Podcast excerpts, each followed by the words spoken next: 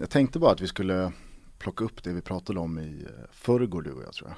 I förrgår kväll. Mhm. Innan vi kör igång det här fjärde avsnittet av Toto Balutto. Då, eh, jag vet inte hur vi kom in på det men vi landade någonstans i eh, vår nyförälskelse eller om den aldrig har sviktat. Vår kärlek till fotbollen. Jag älskar fan fotboll. Ja, Och du sa det så fint att det är det enda jag vet. Ja men lite så i alla fall eh, om man ska göra någonting.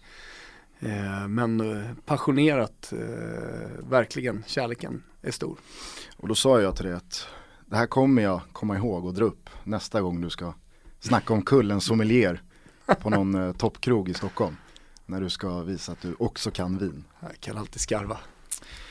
Det här gör vi eh, först och främst för kärleken till fotbollen. Den är enorm, det är en outtömlig källa. Så Kim Wirsén, rulla igång introt och eh, get ready för ännu ett avsnitt av Toto Balutto.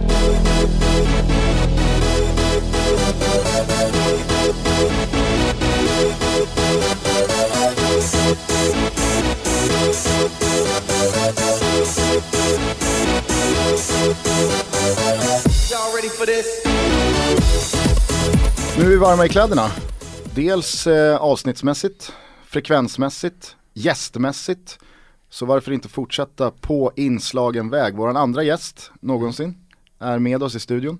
Det är vår eh, förra kollega, fortfarande vän, Adam Nilsson. Stort välkommen. Tack så mycket. Du, eh, hur är läget? Jo men det är bra. Det är ju tidig morgon så att nu börjar kaffet kicka in så att man behöver pigna till lite. Det är dessutom bara ett eh, drygt dygn kvar tills Bundesliga-säsongen 16-17 sparkar igång. Vad gör det med en eh, brattvyrstare som dig? Eh, ja, vad gör det inte? Man, eh, man, allting drar igång, det blir ju pirrigt. Alltså ingen snack om saken. Man eh, bokar ju inte upp den här helgen i första taget till att göra annat utan det är ju liksom, det är Bundesliga som står på schemat. Eh, 20.30 fredag liksom, då vet man att när den kickar igång där på Allianz Arena då är det, det är fan som att man har liksom, livet igen sprakar till liv efter två, tre månader dvala från ligafotbollen liksom. Jag vet att du har varit i ett förhållande i ett par år. Mm. Eh, jag vet att eh, Thomas har eh, ett långt förhållande som snart kulminerar i ett tredje barn med sin Helena. Jag har varit med min tjej i, i ett par år också.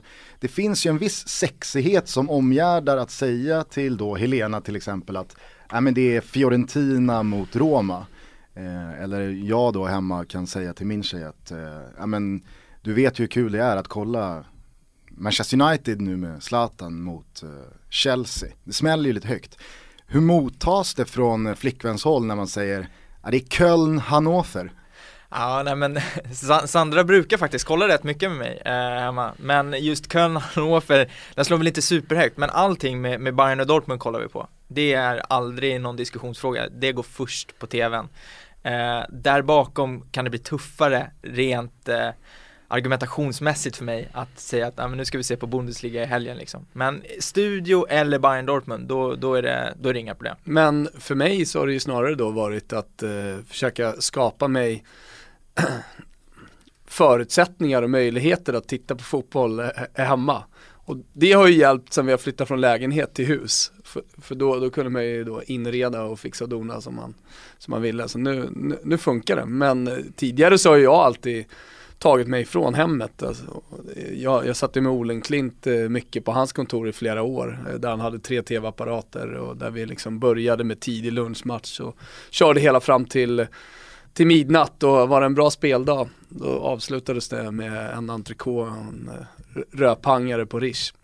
Nu, Men- ha, nu har ju Premier League börjat flirta med den tv-slotten, annars har ju fredagskvällen alltid varit Bundesliga-kväll.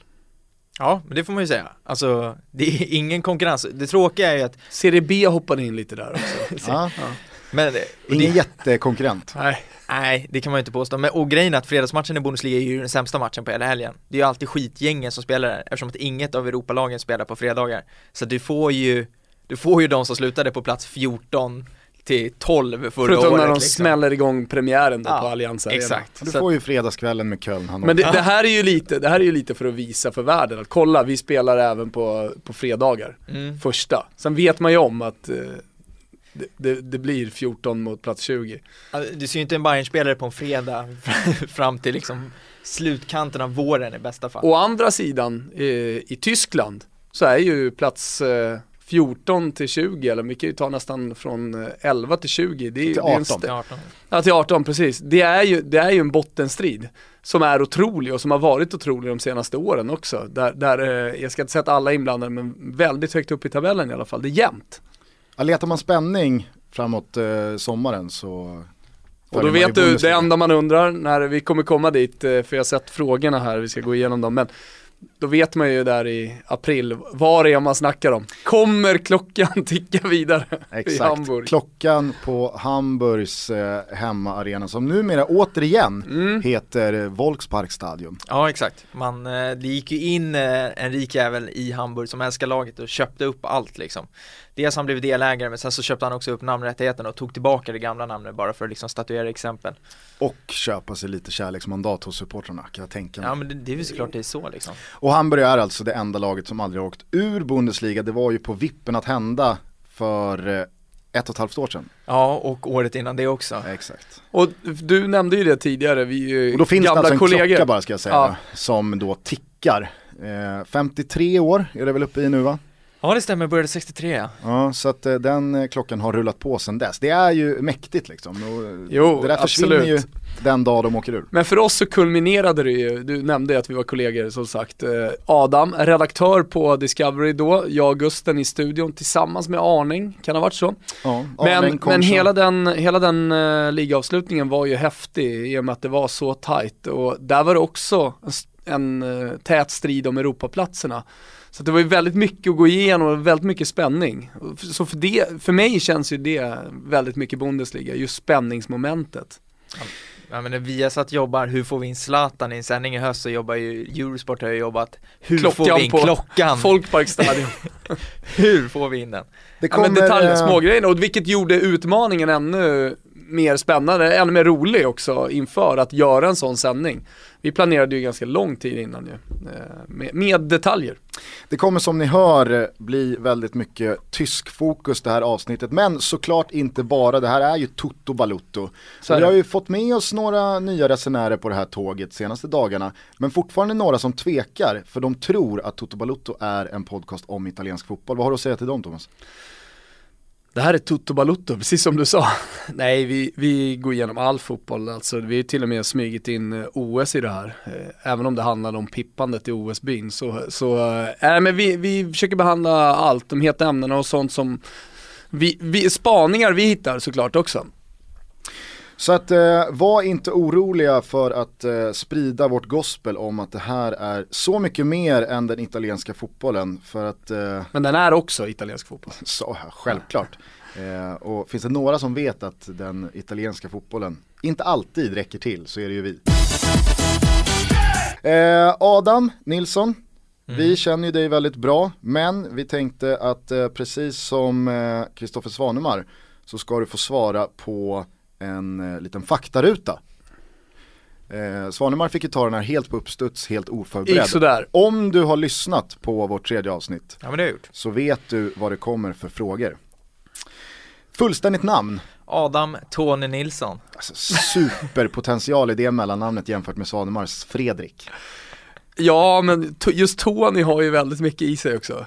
Du, du heter ju, du, du delar ju namn då med vår sponsor Tony Bacci Mm. och Andis Frukt. Eh, Men när man hör Tony Nilsson så, eh, så tänker jag inte så mycket på samma sak, jag refererar inte till samma saker som jag gör när jag hör Tony Bacci. Nej. Någonting säger mig också att ifall du hade fått Kumlaanstalten Precis, ifall du hade fått eh, Tony som tilltalsnamn och inte Adam så hade du inte stått här i skjorta kavaj och eh, senare idag varit på väg till Telia för ditt eh, jobb som IT-konsult. Nej, Utan då hade du eh, i natt rekat någon jävla Statoil-mack i Hallunda eller något. ja men det, det, det är ju på den nivån, farsan kommer vi från liksom södra förorten och Hökarängen och jag menar alla hans kompisar hette ju någon, antingen heter de Sonny eller Conny eller så hade de liksom så här sjuka jävla smeknamn. Det fanns ju ingen som hade ett riktigt namn, det var liksom Tarzan och Rille som bland annat Thomas vet vem det är och sådär. Ja, det Vi har ju, vi har ju gemensamt Jag vet inte vad det, vad det var jag kom in på, men en lirare som jag minns så tydligt från min fotbollskarriär, eh, Rille i GT76. Riktig superprofil, alltså alltid så övertaggad som man undrar vad han gick på inför matcherna, men eh, ja. Spelade ihop med min farsa då, var anfallare, vassa, sylvassa armbågar och vidrig mot alla men älskade barn. Så han var alltid trevlig mot barn men liksom andra, de sket han fullständigt. Kantpuck. Kantpuck på vart det där stannade. Men hur som helst, vi fortsätter. Ålder, Eh, 26. vad är hemma för dig? Mm, ja, det är väl eh, gamla Söderstadion. Vilket eller vilka lag håller du på? Hammarby i grunden, Ipswich eh, och Bayern München får det väl bli då. Finns det något lag du verkligen inte håller på som du kanske rent av avskyr? Nej, det skulle jag inte påstå faktiskt. Svanemar var ju här, vi har ju verkligen vägt upp den här eh, Stockholm, vi har vägt upp Stockholmsfärgerna i och med att du står i den här studion som är bajare och Svanemar då som var AIK-are. Fick ju någon tweet om eh, att, att eh, vi, vi var väldigt mycket AIK i studion, det var vi ju inte senast. Nej det tycker jag inte. Men, men eh, han nämnde ju då Djurgården som den stora ärkerivalen. Hur det- känner du i det, alltså AIK och Djurgården? Känner du att någon är en större rival så att säga? Nej men alltså dels så får man ju säga att den här relationen mellan Djurgården och AIK är ju på något sätt hetare än den mellan Hammarby-Djurgården eller Hammarby-AIK liksom respektive. Deras, alltså så inflammerat eller vad man ska kalla det, det är mellan dem är ändå, det är något annat. Men det är alltid lite skönare tycker jag att klämma till AIK än Djurgården. Jag vill ju tro att det där Får eh, chansen snart. Jag vill ju tro att det där missgynnades jävligt mycket av att Djurgården och Bayern mötte varandra i alla derbyn på Råsunda i 15 års tid. Jag tror att det gjorde ganska mycket för rivaliteten, att man spelade ett derby, en liksom egentligen jäkligt het match, fast på ett ställe där ingen ville vara. Ja men det är väl klart att det spelade in, det var ju inget kul att åka ut i Råsunda för två lag som som inte hade någonting där att göra, alltså självklart och med tanke på hur dåliga vi var stundtals på Råsunda med Råsundaspöket och allt som spelade in så, så var det ju en jävla mardröm att åka ut till Solna. Eh, det går inte att komma ifrån, det har ju blivit det har ju blivit bättre med Tele2 även om jag tycker att det är fortfarande liksom, det här med plastgräs är inte, det är inte min grej alltså. Vi kuskar vidare, favoritspelare genom alla tider. Ja egentligen så är det två, Oliver Bierhoff eh, ska man ju självklart nämna. Flörtar med Italien. Ja, O- Udine och AC Milan och allt vad det var. Och eh, Bergkamp. Varför Bergkamp? Nej men det, jag tror att han var på omslaget till Fifa 97 och då var jag sju år och på den vägen var det att man började spela, följa Arsenal, Ilja Bergkamp och Overmars, hela den Arsenal, det laget liksom. Och sen var han ju, det är ju en av de mest intelligenta fotbollsspelarna vi har sett de senaste 30-40 åren. Det känns som att det rent eh, lookmässigt så hade målvakten från den tiden, David Seaman, gjort sig ganska bra i tysk fotboll. Ja, det hade han, han hade passat in bra alltså. Herre, David Seaman saknar man. Ja, varje dag. Eh, en spelare du aldrig riktigt gillat? Eh, Rafinha i Bayern München. Plus ett på mig. Eh, intressen utanför fotbollen? Ja, eh, ska man komma på. Det var den här frågan som ni ställde till Svanemar, så tänkte jag, vad, vad, vad kommer jag att svara på den här frågan? Så skulle jag tänka ut något intelligent.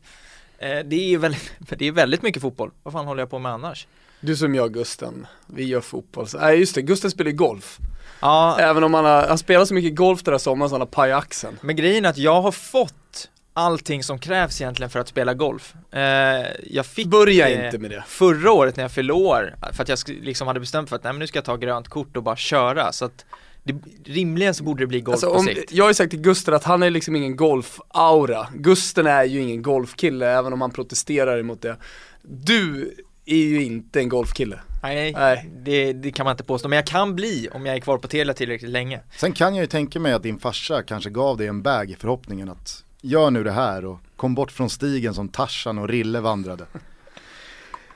En person utanför fotbollen som du ser upp till av olika anledningar. Ja, det är också en bra fråga. Det, det är en så bra fråga så jag kan Det är knappt Tarzan. komma på det exakt. Tarzan. Utanför fotbollen? Ja. Men skulle det, jag som kommer från lärarfamilj, nu blir det ju väldigt svanen nördigt. bara.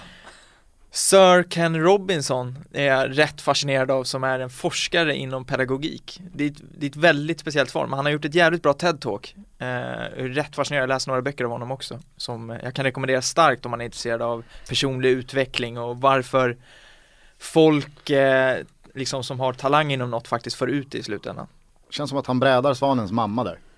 Eh, din fetaste fotbollsupplevelse någonsin? Det, det som är så sjukt att jag inte ens var på plats, men att vara nere i Tyskland, sitta i läderhosen, hinka i sig bärs och se Bayern München möta Dortmund i Champions League-finalen 2013 Det var en upplevelse utan dess like Otrolig upplevelse Vem från fotbollsvärlden hade du helst velat dela en flaska vin med? Jag har tänkt på ett namn som du skulle svara här. Ska se om du gör det. Måste det vara en flaska vin? En flaska vin? Ja ah, men Får ta ett stor bärs Nej alltså Klopp. Ja. Jag, jag, jag tänkte att Adam kanske drar till med Uli, uh, Uli Hoeneß. Ja det vore ju, det vore ju fett alltså. Herregud. Jag hoppas jag ska springa in honom på Oktoberfesten här om en månad. Snyggaste fotbollströjan genom tiderna?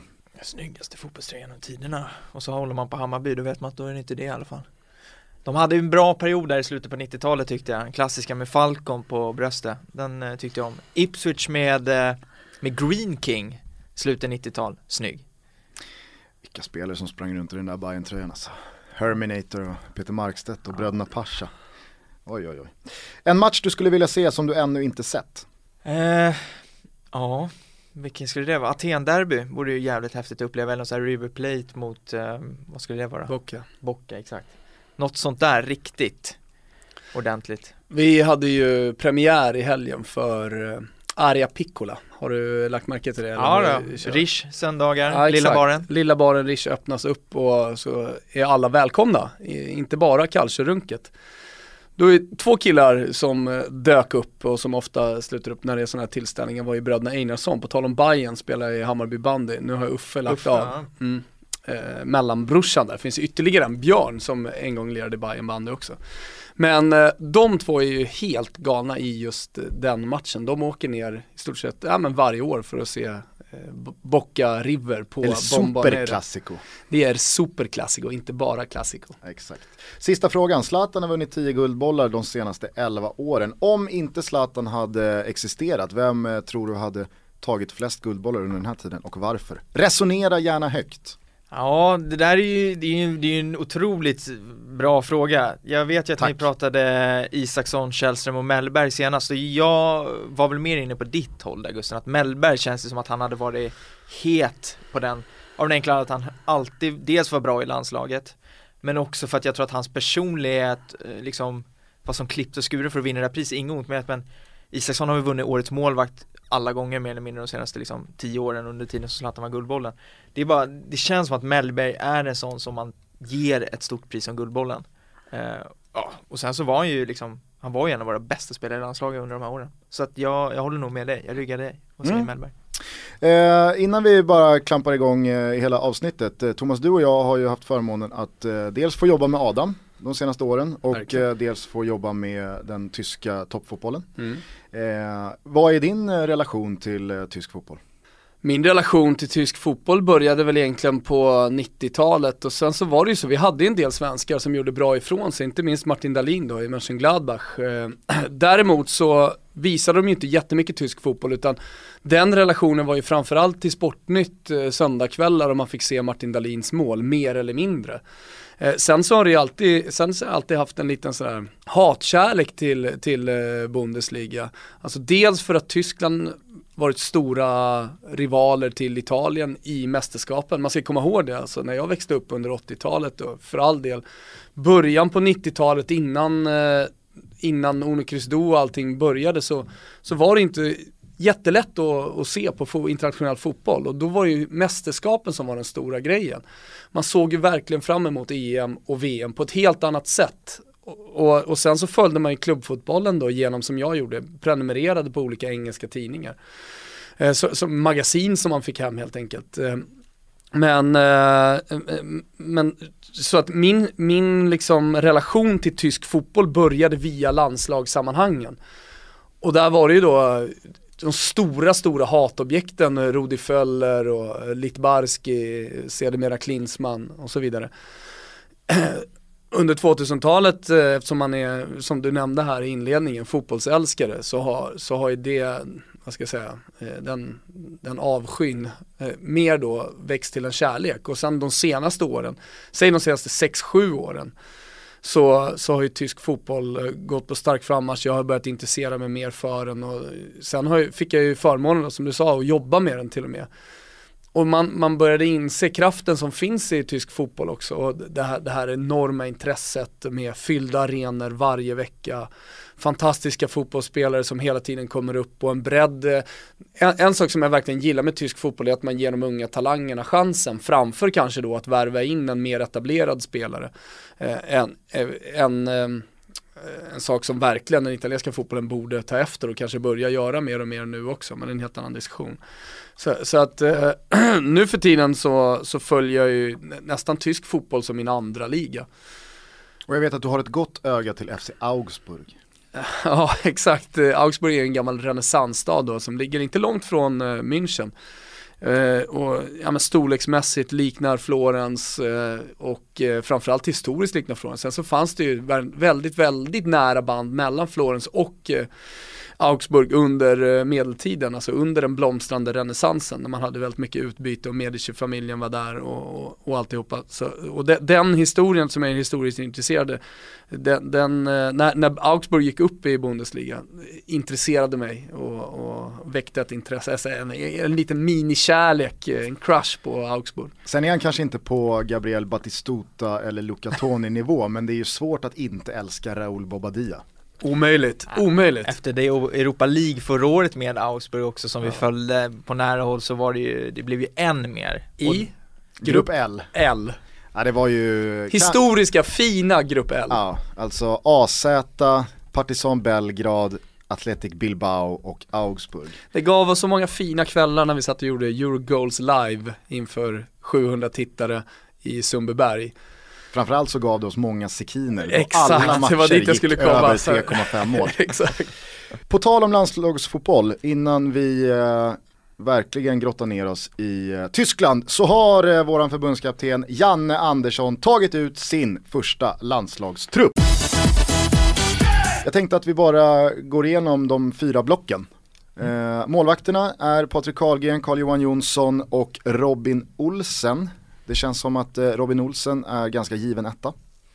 Ja det får man väl säga, det är ju inte den vassaste målvaktsuppställningen vi har sett men Olsen har ändå erfarenheten och har ju varit med i det här förut. Nu, Karlgren börjar ju växa in i det. Eh, Carl-Johan Jonsson har jag inte riktigt koll på, det är en sån där spelare som, han var väl i Randers innan han hamnade i Frankrike. Man har hört mycket om honom och det verkar ju bra, men nej, Olsen känns ju i mina ögon absolut eh, given. Jag kan ju känna att eh, det måste vara surt att vara Johan Wieland. Att ha kämpat och väntat så många år, till slut tröttna och bara nej, nu, nu skiter jag i landslaget. Då lägger Isaksson av och då är de som kommer underifrån supersvaga. Jag tycker att Johan Wieland ganska överlägset har varit allsvenskans bästa målvakt eh, den här säsongen. Och jag tyckte han var riktigt bra, ja, egentligen hela vägen sedan han kom till Malmö FF. Men han har ju lagt av. Va, vad säger du om eh, målvaktsuppsättningen, saknar du någon? man kan ju alltid sakna, eller det är precis som i anfallsuppsättningen, man, man, man saknar ju en eh, spelare med stor internationell erfarenhet. Eh, det, det som är positivt med Robin Olsen det är ju förhoppningsvis att han har sina bästa år framför sig eftersom målvakter blir ju bara bättre och bättre med erfarenhet. Och dessutom nu då, eftersom vi är en aktuell podd så gick ju faktiskt FC Köpenhamn vidare till gruppspelsfasen i Champions League. Och eh, då kommer ju Robin Olsen då få, få mäta sig med, med de bästa, vilket är bra för hans utveckling, bra för också svenska landslaget. Och jag tror att han kommer kanske vara som bäst om ett två, tre år. Så jättebra att han får växa in i den här rollen. Men det känns ju som i hela det svenska landslaget här att det är ett lag som också kommer att vara bäst på EM. Eh, kom, kommande EM snarare än eh, VM som vi förmodligen inte går till. Saknar du eh, någon målvakt med i diskussionen? Nej, det är ju bara att man enkelt kan konstatera, och nu, nu går jag snabbt tillbaka till det tyska, men att eh, jämför man med tyska målvaktsuppsättning så har ju Sverige lite att kämpa på alltså. Herregud, men, men en spelare som man jag ska inte säga att man hade förväntat sig, men när man satt och kollade på OS, jag vet inte hur många frames du såg av OS eh, Adam. Gugge låg ju lite på latsidan där på nätterna. Eh, men en spelare som Lars Lagerbäck, som uppenbarligen har någonting att säga till om i det här svenska landslaget och säkerligen även i uttagningar. eh, är Andreas Linde, Moldes andra målvakt, som gjorde ett jättefint, eh, han var ju Sveriges bästa spelare under OS. Eh, man såg att det fanns en enorm potential också. Jag gillar ju den typen av målvakter om man bara får stanna lite kort i det jämfört med Karlgren. Karlgren väldigt reaktionssnabb. Eh, han sa ju själv inför den här säsongen att han skulle utveckla det som han var lite sämre på, det vill säga liksom luft, spelet i luftrummet och pondusen kanske då, som jag tycker att han saknar lite. Där kändes det som, som att Linde nästan redan var där. Eh, han har också, tycker jag, för att vara en så stor målvakt, väldigt eh, ja, men bra reflexer, bra på linjen. Det visar han inte minst i OS. Sen är det lite synd att han har hamnat då i Molde och som, som andra målvakt. Jag tyckte han var en perfekt värvning för ett till exempel IFK Göteborg som stod då inför att gå då till eh, Europa League och vara med i den allsvenska guldstriden som inte är någon allsvensk guldstrid för Göteborgs del längre, men, men ändå. Så, och, men, men framförallt Lars Lagerbäcks ord om Linde och jag tror också att eh, Janne Andersson, när de, när de eh, diskuterade mellan varandra, var väldigt imponerade av vad han gjorde. Som du gnuggar den där övergången. ja, får man ju köra på lite. Försvarsblocket då, Ludvig Augustinsson, eh, Il Capitano, Andreas Granqvist, Filip Elander, Pontus Jansson, Emil Kraft, Micke Lustig, Victor Nilsson Lindelöf och Oskar Wendt. Ska vi börja där? Du knyter nävarna, sträcker dem i skyn. Hur eh, känns Som du har det? försökt jobba in Oskar Ja, Wendt i men landslaget. jag har verkligen försökt jobba in Oscar Wendt eh, och hans farsa har också försökt jobba in Oscar Wendt. eh, Men har du varit eh, Sveriges då liksom största, låt oss säga, sponsor för Oscar Wendt, även tidigt innan det blev en stor mediagrej? Ja nej men det tror jag. Jag tror jag var väldigt tidig på den bollen. Eh, och mycket, alltså det, vi kan ju ta det här liksom, men hans farsa heter Joakim Wendt, har ju spelat i Göteborg en gång i tiden, är en eh, trogen läsare faktiskt av det jag skriver och eh, har en tendens att kommentera om jag inte har skrivit tillräckligt om Oscar. Så det blir ju att jag, jag lägger till Oscar när det behövs med jämna mellanrum. Så att Skriver eh, pappa Wendt anonymt eller eh, är, han öppen med, är han öppen med att farsgubben har koll? nej, han är inte öppen med sitt namn, men eh, jag vet ju vilken användare det är. Du har jagat, eh, du Jag har jagat rätt. IP-adress. Ja, för att eh, det, jag blev lite konfunderad efter ett tag när jag började inse att här finns det en röd tråd. IT-tekniker det här vet du. Och då var, jag tvungen att, då var jag tvungen att leta upp vem den här personen var och hittade då till en eh, viss Joakim Wendt som bor i Göteborg. Men som vi alla vet, trägen vinner. Eh, nu är han tillbaka. Ja, och alltså det är ju helt rätt. Eh, sen så, jag menar vi, det var ju mycket snack i våras inför EM om Wendt skulle dyka upp i slutändan ändå och det var väl självklart att han inte skulle göra det. Ja, det var en väldigt tröttsam diskussion för att som så många gånger tidigare i landslagsfotbollens historia så är det så att det skär sig mellan vissa förbundskaptener och vissa spelare som kvalitativt definitivt har I alla länder ska sägas. Exakt. Jag menar, Carlos Tevez har stått utanför eh, ett eh, argentinskt landslag eh, bara för att liksom på uppstuds nämna en sån där situation. Ta eh, Leverkusen-anfallaren Kisling, Sebastian Kiesling. Stefan. Stefan, jag tänkte på Sebastian eh, Deisler, Ja, eh, gamla eh, Hispan-patienten. Eh, Stefan Kiesling såklart, eh, som öste in mål i flera säsonger i rad men egentligen aldrig kändes nära Jogge Lööfs landslag. Nej, och det är ju sånt som sker. Det är bara liksom Förbundskaptenerna har en känsla av att den här spelaren, antingen så är det kvalitativt, det kan vara personlighetsmässigt, passar inte in i gruppen Zlatan kanske inte liksom tyckte om vem, vem fan vet liksom, men shit happens. Därför så blir det väldigt så här varför ska vi diskutera vänt nu inför ett, liksom ett EM-mästerskap? Snubben, snubben stannade hemma i, i kvalet, i playoff fick han chansen att vara med och spela mot Danmark. Svaret var, nej jag ska vara hemma och skruva ihop en studsmatta till mina barn. Han vill ju inte. Och jag menar, Jag kan säga att det tar jag- tid att skruva upp en studsmatta, jag har gjort det själv. jag tror dock att den här studsmatta-grejen, det var när han fick frågan om han följde uttagningarna. Eh, alltså till EM, då sa han det här med studsmattan. När det var Danmark i playoffet så kändes det som att mellan raderna så var han ganska bakis hemma i Göteborg och sa nej jag är inte riktigt förberedd så att jag passar på den. Eh, bara för protokollets skull, men jag, jag, jag förstod aldrig riktigt varför inte alla bara kunde nöja sig med att så här är det. Ibland skiter det sig mellan förbundskaptener och spelare, surt för spelaren som antagligen vill spela i landslaget. Men det här är världens mest normala grej att det händer, att folk inte tas ut eh, av olika anledningar som inte har med fotboll att göra. Så är det ju bara, och det här är ju bara ytterligare ett kvitto på att Oscar Wendt såklart är kunnig nog fotbollsmässigt för att spela i ett svenskt landslag. Ja, och det här kommer ju, det kommer ju visa sig. Nu är det upp till bevis liksom med, med Janne och, och Oskar Wendt har ju varit han har varit liksom riktigt, riktigt bra i Bundesliga de senaste säsongerna och ändå alltid varit med i omröstningar om, om ligans bästa Men ska vi bara ta hans eh, karriär i korthet, eh, Mm. framförallt då i, han, han var ju länge i FC Köpenhamn, men, men sen så kom han till tyska ligan 2011 och Borussia Mönchengladbach. Det var ju inte sol, han var inte en startspelare från början. Det är egentligen för två säsonger sedan som det började. Och då, om jag, du får ju rätta mig om jag har fel, men då, då började han ändå inte som ordinarie, men vann den platsen med tid. Ja, eh, det är sant för att grejen var att han kom ju in till ett lag där vänsterbacken då, eh, Filip Dams, var ju, var ju lagkapten också. Så det var ju inte direkt den första man kanske konkurrerade ut. Som tränare så blir liksom lagkaptenen spelar ju allt som oftast. Så han fick ju en tid, fick ju tid på sig, men Lucien Favre till slut så valde han ju Wendt. För han kunde forma Wendt till den han liksom ville ha. Och sen dess har det ju, han har ju gått som tåget liksom. Det är ju en spelare som antingen spelar en vänsterback i en, i en 4-4-2 eller som spelar ytter i en 3-5-2 och han har ju varit riktigt, riktigt bra. Han har gjort mål, han spelar fram, han är bra defensivt. Alltså det här är ju, sett till den trupp vi har, så är ju Wendt kanske den med bäst erfarenhet, alltså den bästa meritlistan av de 23 som är uttagna. Utveckla lite mer hans eh, status i Tyskland. Nej men alltså dels har han ju fått, eh, det kan man ju youtuba, han har ju fått en egen låt av Mönchengladbach-fansen och sådär och är ju han har ju, alltså Mönchengladbach har ju varit ett lag som har slagits om Champions League och Europa League-platser de senaste säsongerna.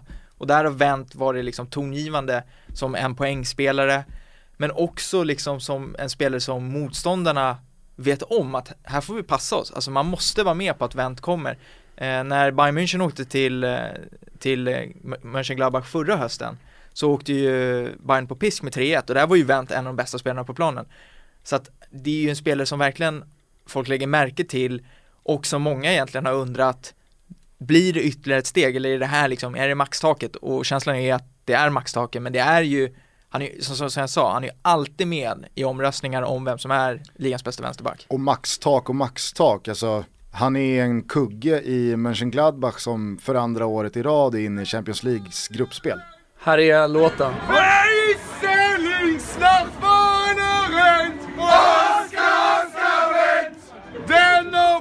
was habt ihr gepennt? Oscar, Oscar Wendt! Wessen Frisur liegt stets im Trend? Oscar, Oscar Wendt! So dass man ihn Trendsetter nennt. Oscar, Oscar Wendt! Und wer kennt deine Lieblingswelt? Oscar, Oscar Wendt! Bevor sie jeder andere kennt. Oscar, Oscar Wendt! Wem steht die Raute exzellent? Oscar, Oscar Wendt!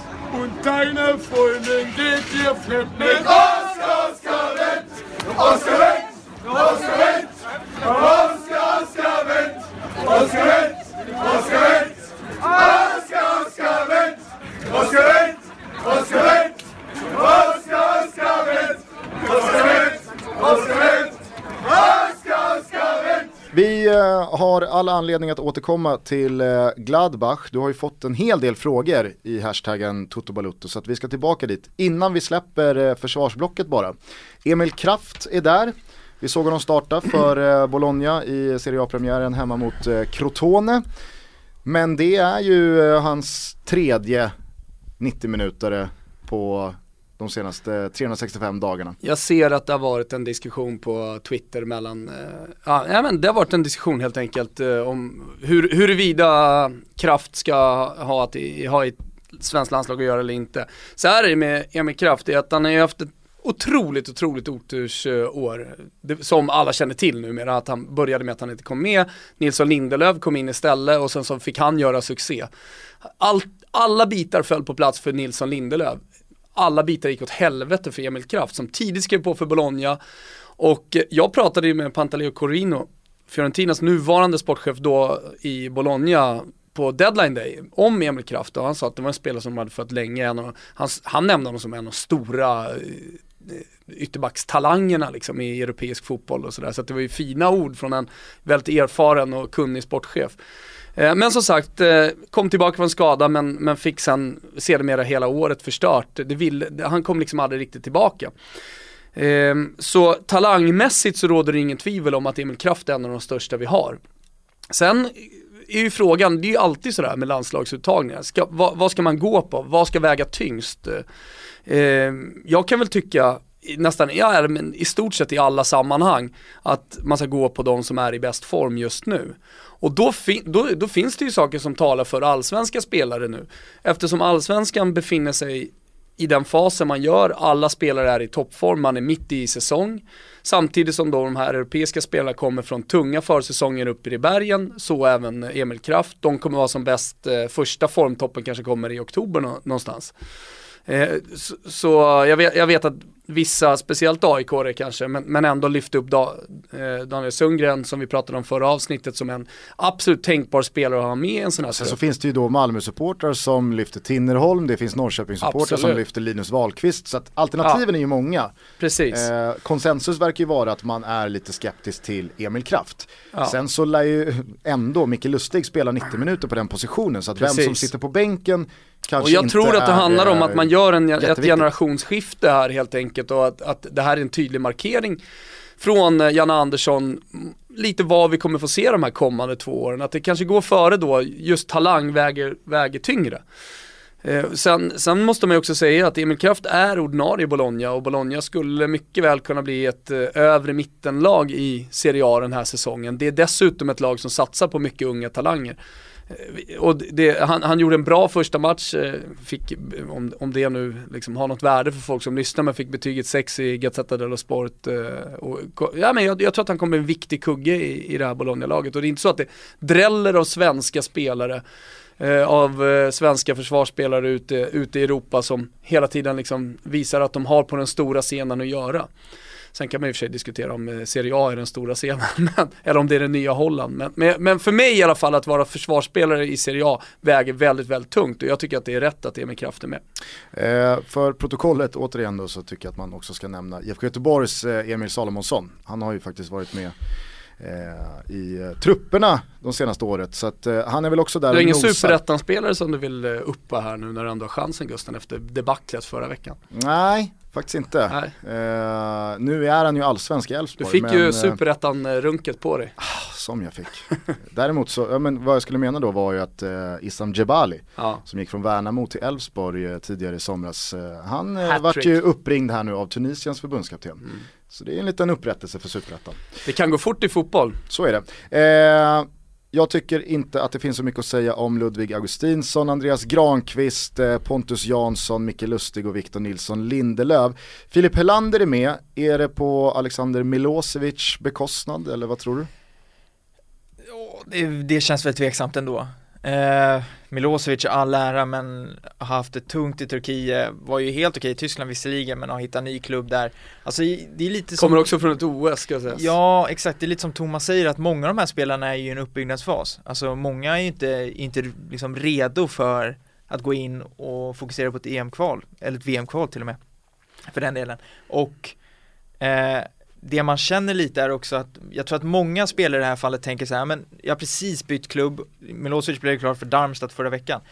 Att direkt sticka då efter två, tre veckor, det kanske inte heller är han är liksom supersugen på, men jag tror inte han ens var på tapeten. Eh, alltså Helander har ändå varit med i Men han visat liksom. i Malmö också, på tal om talang, stor talang, självklart. Eh, Hellas Verona förra säsongen var ju inte en lätt uppgift för, för Helander. Dels komma in i en ny liga på det sättet, lära sig ett nytt språk och allt vad det innebär med att komma till ett nytt land.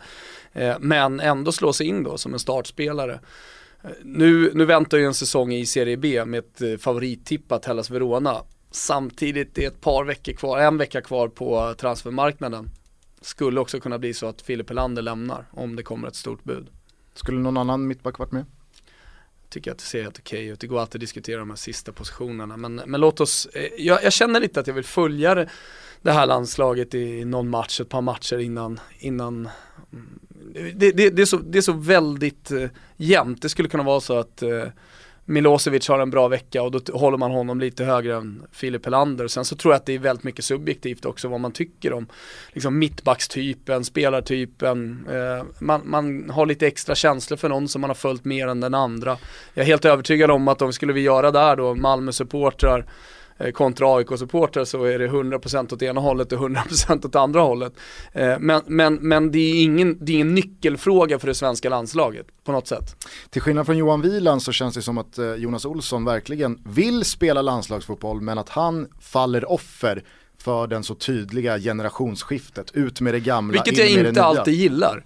Utan eh, alltså snarare tvärtom. Jag vet inte vad som skrev det nyligen, men, men jag skriver verkligen under på det här med att det är de bästa spelarna som ska vara med. Det är det svenska landslaget vi pratar om. Och då tycker jag inte ål- ålder ska ha betydelse. Nej, bygga för framtiden kan man ju göra i Dubai på en januari-turné. Ja. I ett VM-kval så är jag helt Handlar om på att prestera. Det ska vara de bästa. Men här tycker jag ändå. Janne Andersson är ganska tydlig med att det, det är en, ett generationsskifte och det är inte nu vi ska vara bäst. Men det är han ju inte ensam om som förbundskapten att göra. Ta Jogge Löw till exempel.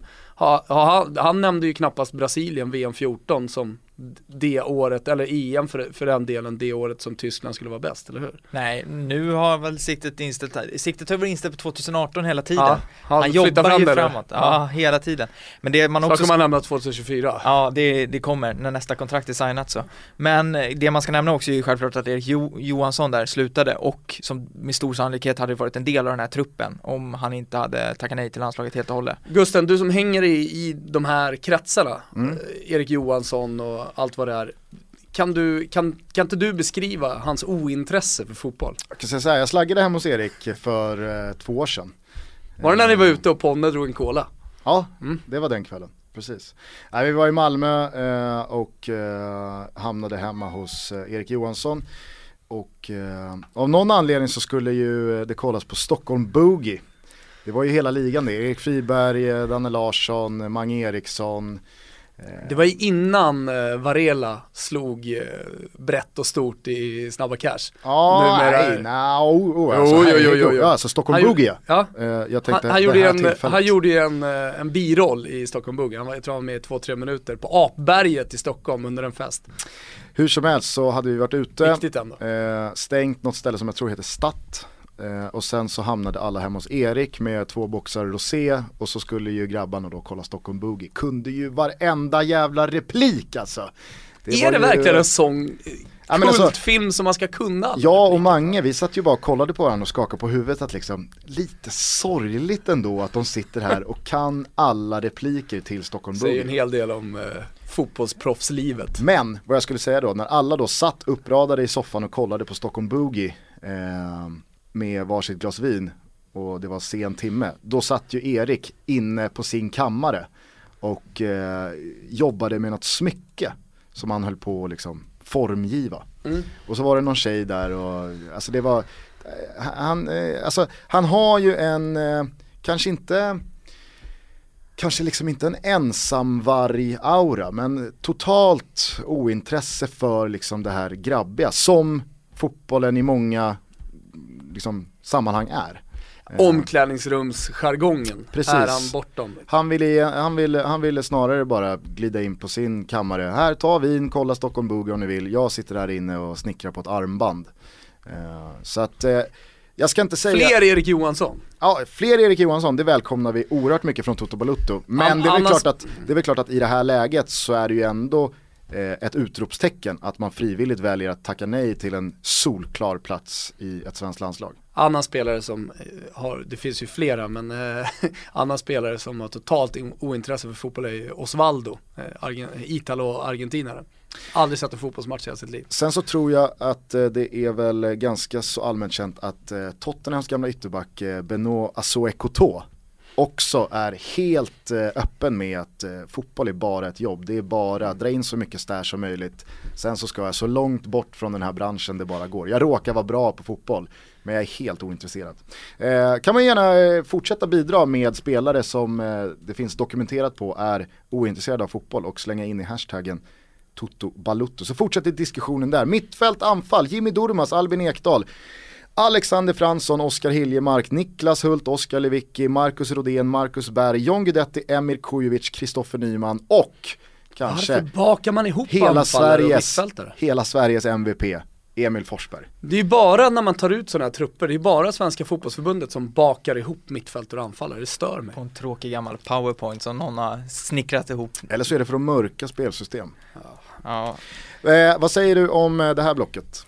Ja, Forsberg MVP, syntes inte mycket av det under EM. Nej, kanske, vårt, eh, kanske vår största besvikelse. Bachner skrev en krönika när vi hade spelat träningsmatch och han var så bra där, genrepet mot Wales. Eh, Forsberg totaldominerade. Eh, och ja, men, en sån här krönika som man verkligen höll med om att det, det är Forsberg som är Zlatans eh, liksom, polare under EM. Det är han som kommer flyga. Sen man märkte hur besviken han var efter Irlandsmatchen i mixade zonen. Alltså, total besvikelse på sin egen eh, insats. Alltså, och- med all rätt alltså, för han var riktigt dåligt. Eh, sen så om det där handlade om eh, nerver eller eh, det mentala, det är, Eller en kollektivt dålig match av Sverige som påverkade alla. Men... så är det. Vi har i alla fall eh, gått hopp och hopp om Emil Forsberg, eh, på tal om status. Vad säger man om eh, Emil Forsberg i Tyskland? Jättehög status med tanke på att han var Zweite Bundesligas bästa spelare förra säsongen. Så att eh, det är liksom en av de spelarna i Leipzig som många ser fram emot att få se i Bundesliga. Många som har väldigt, väldigt höga förväntningar om honom. Sen eh, så har det ju ryktats liksom väldigt mycket om att klubbar var varit intresserade av honom, inte minst Liverpool. Men nej, han har jättebra rykte. Men eh, om man ska bara kolla på det här mittfältet så har man ju känslan av att det är ett rätt, ändå ett rätt spelskickligt mittfält jämfört med vad vi tidigare sett. Alltså det är många spelare som är liksom tekniskt ändå rätt begåvade. Eh, och det blir ju spännande att se. Jag vet inte hur Janne hade tänkt formera det här. Jag blev ju lite förvånad ändå över att se Ekdal som har varit mer eller mindre skadad. Ja, sen urminnes tider känns det som. Eh, han skadade sig alltid liksom, har ju missat hela försäsongen så att jag vet inte vilken form han kommer vara i men Fransson känns ju given. Janne Andersson, på tal om Ekdal, pratar ju också om honom som en ledare. Eh, och när, när han lutade sig mot två personer så lut, i, i hans eh, lilla tal där, så lutade han sig mot Granqvist och Ekdal. Sen kanske det var hela VM-kvalet han pratade om, men det lät som eh, även inför den här matchen mot Holland. Ja, och det, det är väl fullt förståeligt, eh, fullt förståeligt med tanke på Ekdal, en Ekdal i form är ju en riktig tillgång i det svenska landslaget. Det är ju bara att hans, han har ju verkligen varit väldigt mycket skadad, inte minst när han kom till Hamburg. Men sen så är ju, eh, som vi alltid alla vet, eh, allting relativt. eh, Och i det här sammanhanget så är ju faktiskt Albin väldigt erfaren. Ja, men, och det är han ju. Han Trots är ju, max 20 kamper. Ja, nej men i det här, i det här Han har ju ratat länge ska vi komma ihåg. Så att, eh, nej men det är klart, men det blir spännande att se. Jag är lite intresserad av hur liksom Janne hade tänkt formera det här mittfältet. Jag, det är ju liksom, det känns som att väldigt mycket kring hela den här uttagningen är ju dolt liksom. Och det blir spännande att se vad han kommer få ihop av det till slut. Anfallsmässigt så är det ju en av de svagare uppställningarna eh, jag har sett i, i min, under min livstid liksom. Det är ju Totte Nyman som nu hamnar i Braunschweig känns ju inte kanske riktigt som den gubben man vill ha, inte ens som fyra i landslaget. Berg är ju, Berg är ju Berg liksom. Han gör ju sina mål, men är ju ingen spelare som på egen hand lyfter ett anfall. Kujovic vet jag inte riktigt vad vi har. Ja, han har vi inte alls. Nej, och Guidetti är ju den spelare av de Som man bara här pratar form. som Med Nolito liksom- out, iväg kuska till City, så är det ju nu Guidetti ska vara given i en Celta Vigo 11. Mm. Började på bänken här i ligapremiären och Även på träningsmatcher. ja, så att eh, jag håller med dig om att det är stora frågetecken kring eh, anfallspositionerna. Om vi bara backar lite då till mittfältet, eh, på tal om status, många Eh, har ju såklart följt Oskar Hiljemarks framfart eh, i Serie A men jag tror att också många har eh, tappat lite kollen på honom efter att han lämnade Mm. allsvenskan. Kan du bara kort eh, summera Hiljemarks tid i Palermo Serie A? Det började ju egentligen med när man fattade vad han hade gjort tror jag här hemma. Eh, en artikel som Gazzetta dello Sport gjorde i januari. Eh, där man då listade de spelare som hade ökat sitt värde mest under hösten. Där Hillemark låg i topp, han köptes för 2 miljoner euro och eh, han värderas nu till runt 10 miljoner euro.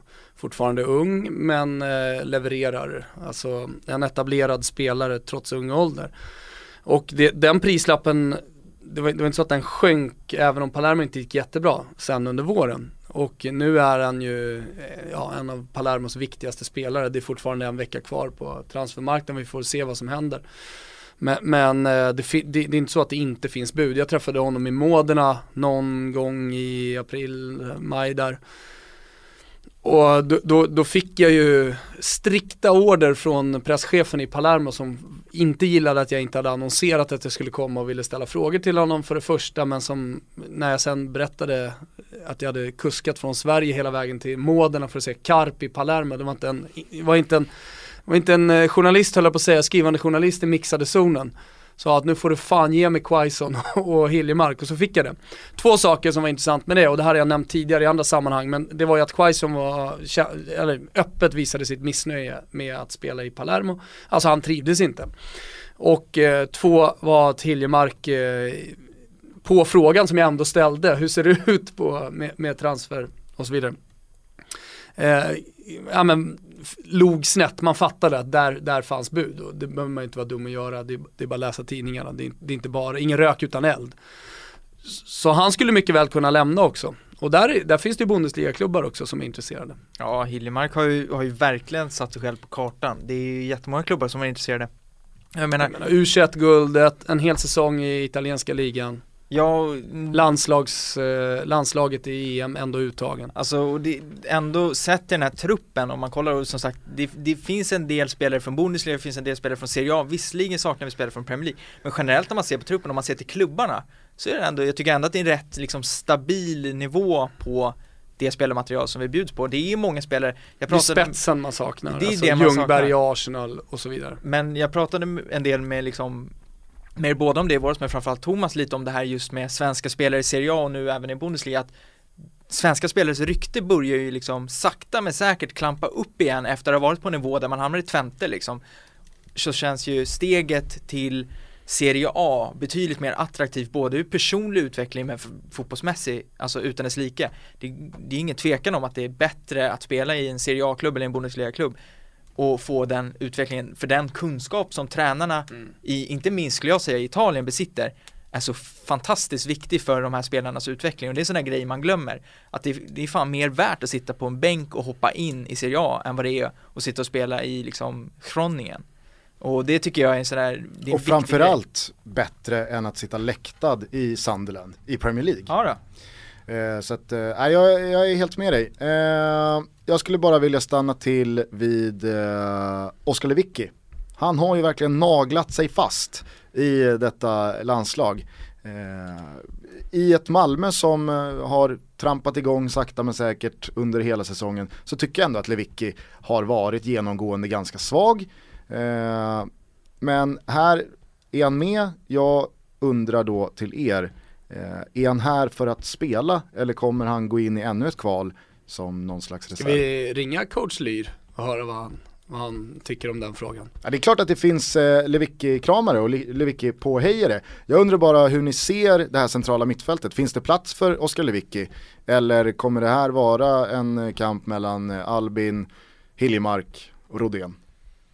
Så i min värld så är inte Lewicki, just nu så är inte han där för att spela på det Alexander Fransson. Nej, jag, alltså det, det är som jag säger, han är ju, det är ju liksom någon sorts Tobias Linderoth typ. Eh, kan vara bra att sätta in när man vill stänga matchen men att om nu Sverige vill spela en viss typ av fotboll eller vad Janne nu tänker så Nej just nu, så, som Levik har varit så känns det som att han eh, kommer inte vara med och han hade mått bra av att flytta till en annan klubb och få lite inspiration och få något nytt liksom. Nytändning det känns lite som att han har börjat köra fast i Malmö liksom och det ty jag tycker det syns på honom när man ser Malmö spela för att det är ändå ett Malmö som annars Kommer Malmö-supportrarna hålla med om det här nu? Jag tror att eh, som alltid när supportrar eh, ska prata om spelare som ligger en varmt om hjärtat så är det klart att det blir svårt. Men herregud, jag tror att det finns ganska många Malmö FF-supportrar som faktiskt kan vara ärliga mot sig själva och säga att nej, Oskar Lewicki har inte stått för sin bästa säsong i karriären. Absolut inte. Eh, hur känns det i Bayern-hjärtat att eh, Arkan Sengin är out och eh, i och med det tacka för sig i landslaget. Jag visste ju att det här skulle ske för några spelare. Därför tyckte jag det var så jävla uppfriskande att Wernbloom gick ut utan att ha pratat med Janne. Han kände väl på sig att nej, det här kommer bli en rejäl urrensning, urblåsning. Ska jag sitta här borta i Ryssland och inte få samtalet eller ska jag ta tag i saken själv och säga jag tackar för mig? Smart gjort av eh, Pontus Wernbloom jag ser ju att alltså så här, Ola Toivonen kommer förmodligen inte få ett samtal till. Men han har inte tackat för sig. Sebastian Larsson tror jag inte kommer få ett samtal till. Toivonen känns som en sån här gubbe som inte är intresserad av fotboll. Han sitter inte och pumpar Bayern imorgon 2030. Ah, Jag tycker ändå alltså, han är ganska aktiv på eh, hur han följer Degerfors från utlandet. Jo, men det är ju Degerfors. Jo men du ser inte Erik Johansson twittra ut några liksom eh, hejar upp för Falkenberg eller Gais resultat. Nej, kanske inte. Nej men nej, alltså allt det där, men det, det som var så kul med Sengin, det var ju liksom Det var så jävla senginskt att göra som han gjorde, att gå ut Uppfriskande var det ju. Ja, men, Då kan jag lika gärna sluta. då kan jag lika gärna sluta liksom, Zlatan borta, men då kan jag lika gärna sluta Och har ju, Wettergren fick frågan av Sundberg på Fotbollskanalen. Du var, var, när fick ni reda på att Sängen skulle sluta i landslaget? Va? Har han slutat? nej, men, och jag menar, han har ju haft, Sängen har ju verkligen varit han har varit het i svensk media, han har ju verkligen haft en bra sommar Han har ju också vår. målat upp en bild av att han är stor i Turkiet. Ja, ja, och sågat Vår Hammarby och utrikeskorrespondent säger ju något helt annat. sågat Nanne och allt och pratat om turkisk media, alltså Sängen har ju varit på tapeten så det är ju verkligen på det sättet så blir det ju så jävla kul när han går ut och säger som han gör eh, För att eh, han lever ju i vad som måste vara Sveriges överlägset största bubbla kring en människa Du, du vet väl vem som är Turkiets bästa svenska offensiva ytter? Det är ju Toto Balottos utrikeskorrespondent. Danne Larsson Ja. Så är det. Ska jag bjuda på en kort liten Erkan Sengin anekdot som jag tycker är väldigt rolig. Eh, min brorsa spelade ju tillsammans med Erkan i Bayern för en eh, sex år sedan. Eh, sex, sju år sedan. Och eh, så hade Erkan suttit i eh, kontraktsförhandlingar och förlängt sitt kontrakt. Varpå han då hade kommit ut eh, till Isak som eh, rörde sig där på Årsta kansliet eller vad det var. Så hade de sprungit in i varandra och Isak hade då frågat så här, ja ah, men hur, hur, hur, hur gick det och hur blev det? Nej men jag förlängde, jag förlängde. Det, så att, eh, det känns jävligt kul. Men eh, Isak, eh, en fråga bara. Eh, vad betyder netto? Man kan, kan, måste ju dra nu också, jag är ju nere på Årsta med jämna mellanrum för min faste jobbar ju där Eh, Så jag brukar gå in eh, och kolla lite eh, och hon har jobbat som, det är ju Von Werner, vissa kanske känner igen henne Sluta rota bland papperna. Laga mat, ja exakt. Och eh, de har liksom en, en wall of fame över Hammarbyare och det är lite bilder och sånt där och vissa spelare har skickat tröjor och sånt. På, på Sengi så finns det bara en stor jävla bild där han sitter på den största hojen någonsin framför Årsta med sånt jävla swag. Alltså han har ju i alla fall någonting. I något landslag så är ju Erkan Sengin supergiven i alla fall. Med det så tycker jag att vi stänger Jan Anderssons första trupp. Eh, 6 september, kvart i nio så är det premiär för det här landslaget hemma mot Holland. Ska bli jävligt intressant att se. Och sen så Du och vi jag väl- är på plats Gugge. Ja det är vi. Eh, och sen så får vi väl eh, i nästa avsnitt ringa upp eh, utrikeskorren Ja. och eh, lyssna på hans take på den här truppen. Verkligen. Ifall Janne ringde någon gång och frågade om Sams nummer eller inte. Bra, då kör vi vidare. Ska vi ta ett kort eh, bara svep på vad som har hänt eh, sen vi spelade in senast. Det var ju eh, sista matcherna i kvalet till Champions Leagues gruppspel. Som det var. Ja, som det var. Stora grejen där. Eh, De Rossi, Due Rossi, ett eh, U slänger man in. Och eh, så blev det två stycken röda för Roma. Tre totalt.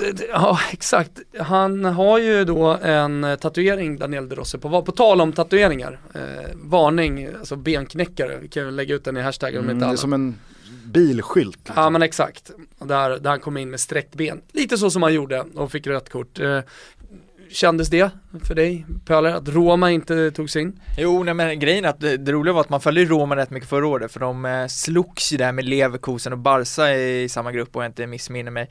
Och det är väl tråkigt för att eh, Dels är ju, alltså Roma är kul att följa, det går inte att komma ifrån. Nu är inte jag, jag följer inte italiensk fotboll slaviskt, det vet ju de som känner mig väl vet jag att jag inte gör det. Men det, det finns mycket i Roma och man förväntar sig att Roma ska vara med i Champions League. Så att på det sättet så är det ju tråkigt. Sen är det ju någonting det här med, ni, ni vet en annan het potatis här på slutet var ju, är, är ju att eh, de eventuellt ska göra om Champions League och att det ska vara fyra lag från de stora ligorna. Eh, läste en krönika från en vän från Florens här, Pippo Russo, eh, som menar på att eh, Italien ska inte räknas in där. Vi har ingenting med fyra lag i Champions League att göra. För han menar på, kolla bara på det, recent eh, history liksom. Va, va, hur har de italienska lagen skött sig? Ja, dels har ju de italienska fyrorna och sen treorna haft svårt att kvala sig in och sen så har det gått väldigt dåligt i Champions League dessutom. Ja, det är väl bara Milan de senaste han har ju en poäng. 9 åren som har kvalat sig in i Champions League alltså, från Italien. Han har ju onekligen en, en poäng, Pippo Russo. Um, men i alla fall, eh, missräkning för att rubrikerna efter 1-1 i Porto var ju halva foten i, i Champions Leagues gruppspel. Ja, inte, bara, inte bara missräkning, här. det var ju för fan 90 minuter av idioti på display. Ja. Alltså, dels så visar man upp för hela världen att kolla vad vi har gjort i sommar. Vi har plockat in Thomas Vermaelen, mm. Juan Jesus, mm. eh, liksom Federico Fazio. Det är spelarna vi har plockat in och de har inte direkt Liksom att de har väntat också på Champions League, just Borja Valero-värvningen också. Men vi ska inte stanna för länge kring det Europasvepet, det Nej, var just det var, ett svep, så ska vi prata tysk fotboll. Det var 90 minuters idioti och Roma får skylla sig själva, anförda Såklart. av eh, Daniele De Rossi och eh, rikspuckot Jobbiga bilder Emerson på, Palmieri. på uh, Francesco Totti som håller på nu, som du vet Adam, med en uh, avskedsturné. Hela den här säsongen blir en, en lång avskedsturné, han kommer sluta spela. Så varje gång, i alla fall på eh, vårsäsongen. Så man kommer till en arena så är det för sista gången. Jag hoppas ju dock att det här ändras till någon sån här Bob Dylan eh, Bob Varje gång jag kommer till den här Farewell Tour never, never Ending Tour kör ju Bob Dylan sedan några år tillbaka. Han har ju gått ut med att nej, skitsamma då. Det blir ingen jävla sista turné, jag ja. kör tills jag coolar. Men det skulle ju också bli en sista Europaturné, alltså i Champions League. Det är inte samma sak att göra det i Europa League. Det tyckte jag var det, det, det trista, alltså just det här med sy symboliskt att det var vice, den ständiga, den eviga, i den eviga staden, den eviga vice lagkaptenen, han som skulle ta över efter Totti men som aldrig får göra det och som förmodligen kanske aldrig kommer göra det heller. Man, men, vet, man vet ju att när Totti kommer till Almaty i Kazakstan där i Europa League då känner att den här den här farvältouren den Ja Ja, men, eller, så, eller så kommer han till Gamla Ullevi.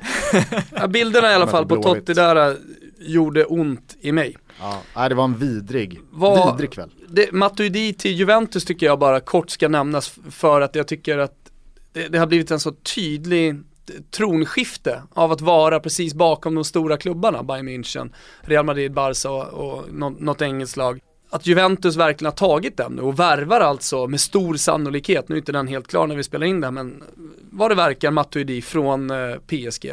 Ett PSG som, ja man har tagit in Ben Arfa, de har tagit in bra spelare men inga, inga stora superstars. Eh, för något år sedan då, då pratades det om att de skulle göra en stor satsning mot Ronaldo. Det var alla möjliga supernamn. Eh, och nu, nu, nu viker man sig för Juventus Håll med om att det är ett tydligt tronskifte där. Ja, alltså verkligen. Och om jag nu bara andades negativa ord om Romas eh, fönster och Mercato mm. så är det ju i den motsatt andra ändan av spektrat på Juventus håll. Mm. Alltså vilket fönster de gör och, och, och, det sjukaste är att inte bara så gör de ju strålande värvningar för sig själva utan precis som du har varit inne på tidigare så vingklipper de ju i princip sina konkurrenter. Ja, inte bara i princip. De, de tar ju till och med sådana spelare som potentiellt skulle kunna höja en konkurrent som Piazza. Som inte kommer spela speciellt mycket i år. Eh, men han var aktuell för några av konkurrenterna som man markerar. Och som plockar man också då, som vi redan varit inne på, från de direkta konkurrenterna. Det har varit Svenska Kuppen också hörni. Eh, och eh, en, en, tidig omgång i Svenska Cupen. Jag satt och kollade på Luleå AIK eh, igår, en ganska trött match där Alexander Isak, Sveriges största talang. Jag vet inte, vissa vill få det till eh, genom alla tider. Eh, såg, såg, till att, att göra det på en svår bortaplan. Eh, svår match ändå mitt i säsongen när allt fokus ligger på att hålla sig fast i guldstriden, ett derby som stundar. Eh, det kan jag ändå tycka är, är nej, men en bevis på karaktär. Samtidigt så tror jag att AIK lärde sig oerhört mycket av eh, förlusten mot Sandviken 2013 i motsvarande omgång. Oh, AIK, men det, är lätt, AIK... det är svårt att plocka upp AIK och Sandviken eh, med ny tränare idag. Nej, för att jag tror att AIK som klubb lärde sig att den här matchen mot ett division 2, division 1-gäng den kan vi inte bara ställa ut skorna och tro att vi städar av. För att det här är årets största match för Sandviken eller Luleå eller vilka det nu är man möter. Men det gäller faktiskt en plats i ett så viktigt cupgruppspel i vinter. Mm. Att AIK har ju trampat på den minan för sista gången. Mm. Och eh, jag såg Jens Kastnert eh, twittrade i paus. Hur kommer det sig att Hammarby ligger under mot gamla Uppsala? Men det, det är ju egentligen typiskt Hammarby att torska en sån här match just av den anledningen att man tror att man kan åka dit och bara vinna på att man är de man är. Alltså det är som, det är som Gusten säger, det här är ju årets match för alla. Hade jag spelat i Gamla Uppsala, jag hade ju varit astaggad på Kan vi att möta Hade Bayern. inte spelat i gamla Uppsala. Kan vi säga Gusken? För att det är ju, det är ju legio smeknamn på den klubben. Jag har ju mött Gusken flera gånger. Det är en riktigt fin, eh, riktigt fin förening. Eh, Ni grejade till slut ska sägas. Det var inte alla som gjorde, vissa föll. Ja, bland annat Täby FK som jag var och kollade på på Tibblevallen. Dalkurd var ju på besök. Jävligt fint att se ett par hundra kurder stå där på läktaren och hålla igång Så i 90 det plus. Gian Dalaba där. Nej, eh, han måste Nej. jag i sådana fall ha missat. Däremot så tyckte jag det var jävligt kul att se en spelare som Raves Lavan. Eh, många minns säkert Raves Lavan från eh, tiderna i Allsvenskan, däribland Norrköping, sen så var han ju i Danmark en sväng. Men Raves Lavan har ju den här eh, väldigt, väldigt eh, liksom lätt omtyckta egenskapen att han trots en ganska pissig fysik har en sammetshögerdoja. Han är 8-10 kilo för tung, tröjan smiter numera åt runt kaggen. Men det är så mycket kärlek i den där foten. Han står bara där, en tvärhand hög på mitten och skickar sina 50, 60, 70 meters bollar på läppen. Jag hävdar ju bestämt att ett tillslag, en fin fot kommer man extremt, extremt långt på. Det finns de som har till och med kommit till toppen, toppen på spelintelligens och en riktigt bra fot. David Beckham. Till exempel. Eh, ska vi stänga Europasvepet? För att vi måste ju hinna med en hel del frågor här nu till Adam när våra lyssnare har ställt Ja. så många härliga. Eh, jag tycker vi börjar direkt. Eh, hur tror du att det går för Alexander Milosevic i eh, Darmstadt som han nu har gått till? Touchat det. Ja, vi har varit där och alltså rotat, men eh, nej, Darmstadt är ju super, liksom, kommer ju vara superjumbo den här säsongen, så han kommer ha en tuff säsong framför sig, men sett till vad de har haft så är han ju ett, Han är ju van i situationen, Ja, ja. Milosevic. Han var ju där Hannover, för han var ju inte oäven i Bundesliga i våras, så att det kommer nog säkert gå bra, men det är ju ingen klubb som kommer ha det lätt den här säsongen, så han kommer nog få mycket att stå i. Eh, Mittbackskollegan heter Aitak Sulu. Är ju en eh, spelare som man ska hålla utkik efter den här säsongen. Ja, som jag sa, närmare Martin Soneby så kommer man ju inte utseendemässigt, alltså det är lookalikes, men eh, Soneby har ju lite bättre svall. Ja det får man säga, det får man säga. Men nej, Solo är ju bra, jag menar du har ju, du har ju kört Darmstadt en hel del genom den här förra säsongen så du har ju sett honom. Eh, Gjorde ju, hängde väl 7-8 framåt tror jag. Ja, han är otroligt stark på huvudet och på fasta situationer. Så att, eh, ja, jag ser eh, verkligen fram emot att följa Darmstadt och Milosevic solo. Eh, hur mår 1860 München undrar Antoine Liesman. Ja, de är ju på gång nu, de har ju eh, försökt gubben. ta sig förbi, det som är så kul med dem är att de har ju en jordansk delägare som köpte 49% av klubben. Han gick ju in i klubben med tron om att det var bara att tjacka allt och insåg efter att han hade liksom köpt sin, fått sin andel och fått det liksom clearat. Så insåg han att jag bara, Jordanien, jag har alltså. bara 49%, jag kan inte göra ett skit med de 49%, jag blev svinelack och har liksom med jämna mellanrum tagit sig in och velat vara en del och sen inte gjort det. Han har egentligen och velat anställa egna tränare och bytt sportchefer och det ena och det andra. Men just nu så verkar de ändå hitta något lugn. De har ändå värvat i vissa Olic och Stefan Aigner och lite andra liksom rätt etablerade spelare från Bundesliga. Men eh, det är inte bara, det är inte bara att göra. Men eh, det ser ju bättre ut än vad gjort tidigare och den här jordanska ägaren har lugnat sig lite och sitter nere i båten och ändå försöker följa utvecklingen. Men eh, det kan börja storma snart när han inser att det här går inte så som jag vill. Men om du tittar i spåkulan då, var ser du 1860 München om 4-5 år? Ja, om det håller sig lugnt så ska de ju tillbaka till Bundesliga. Det tror jag, för att han kommer smeta in så mycket stål i den där klubben så de kommer få in det de behöver. Eh, och de har ju en av Tysklands bästa ungdomsakademier så de kommer få upp folk därifrån som kommer hjälpa till. Klassisk grej du vet när man har kommit till Barcelona. Alla taxichaufförer håller på Espanyol. Sägs det ju. Eh, Min taxichaufför, eller mina taxichaufförer när jag var i Barcelona, de höll på Barcelona. Eh, Men eh, också i München, när man är där. Det är också sån här klassisk, eh, att alla taxichaffisar håller på Det hänger en vimpel i 1860 München. backspegeln. Och, eh, men nu när jag var i Bibione träffade jag, min granne var från, från Tyskland då, där, där vi bodde. Höll såklart på aktien 160 München han också. Du, eh, nu var det ju länge sedan de möttes i Bundesliga-sammanhang, men hur står sig eh, München-derbyt? Bayern mot 1860.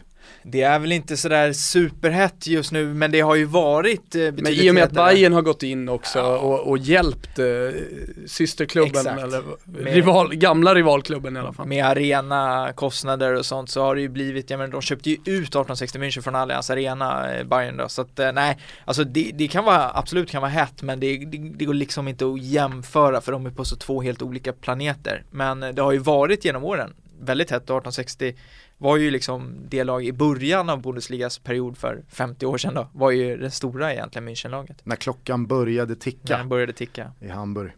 Eh, Gustav Ottosson, han undrar hur du ser på mittfältskonkurrensen i eh, Borussia Mönchengladbach. Är Dahoud given? Han har ju suttit på kvisten här nu, eh, dubbla matcher mot eh, Young Boys i CL-kvalet. Ja, gick bra mot Young Boys, 6-1 eh, i andra matchen och 3-1 i första så att, eh, ja. Nej men alltså han kommer nog komma in i det. det. De vädrar väl lite, de skiftar, de testar. Kramer har ju kommit in på mittfältet där. Eh, de, eh, alltså många har ju sett Dahoud förra året för att han fick sånt otroligt genombrott. Och det är ju en jätte, jättespännande talang. Sen vet jag inte om jag tycker att han är så pass bra så att alla de här storklubbarna ska vara intresserade men det är jättemycket, framförallt Liverpool-supportrar som hör av sig och liksom nu ska vi punga ut 40 miljoner euro för Dahoud och det känns så här, men lugnare, snubben satt ju liksom han, han inledde först förra säsongen ens för att spela mm. så att uh, han är 20 år, man får ge lite tid men han kommer få speltid. Ingen men spontant då, är det en spelare eller är det flera spelare som ska fylla luckan efter Granit Xhaka? Nej det kommer vara flera spelare som gör det. Alltså Kramer är ju, jag menar, han är ju för detta tysk landslagsman, han har ju varit med i landslaget så att han kommer ju hjälpa till mycket och sen så har du den här Tobias Strobel som kommer in från Hoffenheim som är en en gnuggare som springer lite här och var så att eh, alltså det kommer nog vara flera. Och jag tror inte Xhaka var ju bra, alltså inget ont. Och Arsenal ska ju skatta sig lyckliga men jag tror att Mönchengladbach En spelare som också kan höja sig i en större klubb. Ja, känslan var att liksom han var, det var vägs ände ja, ja, och Så att det kommer nog in mer inspiration nu. Eh, och man slipper ju 15 gula kort på en säsong om man inte har Xhaka. Du minns väl Kristoff eh, Kramer från VM-finalen 14? Tveklöst. Helt sjukt ändå. Det är ju ödets allra värsta ironi när man som fotbollsspelare har gnuggat varje pass hela sitt liv för att nå toppen och så får man springa ut i eh, Brasilien för en VM-final och sen så får du en armbåge i tinningen som gör att det slocknar det och du minns inte. Nej. Det var ju eh, fantastiskt då, eller alltså det var ju hemskt i sig men det var ju en väldigt, det var ju, det var ju ett väldigt roligt sätt då när han fick avbryta när han joggar i kapp domaren och säger ref, ref, is this the final? Och då man bara, vänta, vänta, vänta, han vet inte om det här är VM-final eller inte, nu måste han av. Det är jobbigt framförallt eh, när han ska summera sin karriär, ja. får frågan.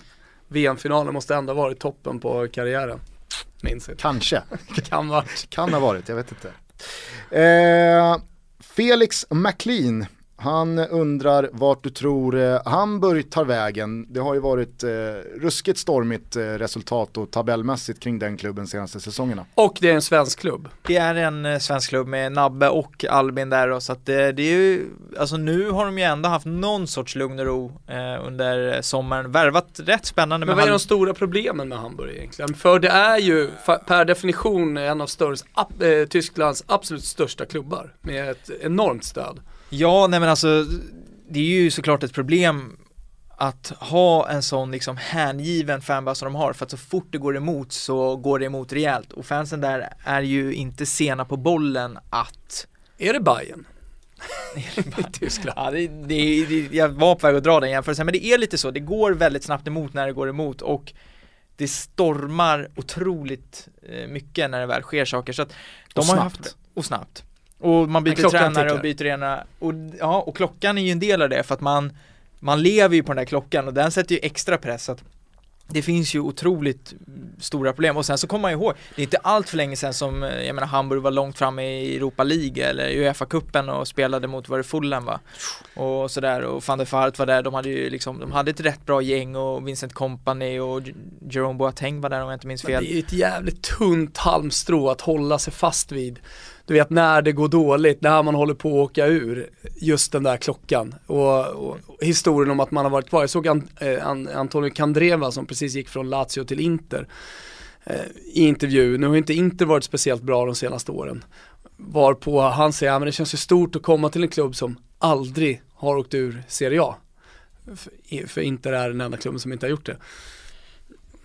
Man vet ju att när det kortet dras, då, då finns det inte mycket annat att hylla från, från recent times. Å andra sidan så får man väl säga för Hamburgs skull att någonting har ju funkat med det. För att de har ju de facto aldrig åkt ur. Nej, jag vet.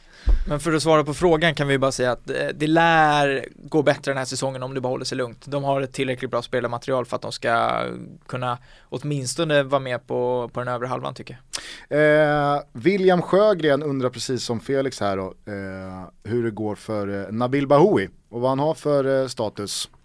Nej, alltså han kom in, det var ju en chock när han kom in i vintras, kom in i sista minuterna på transferfönstret där.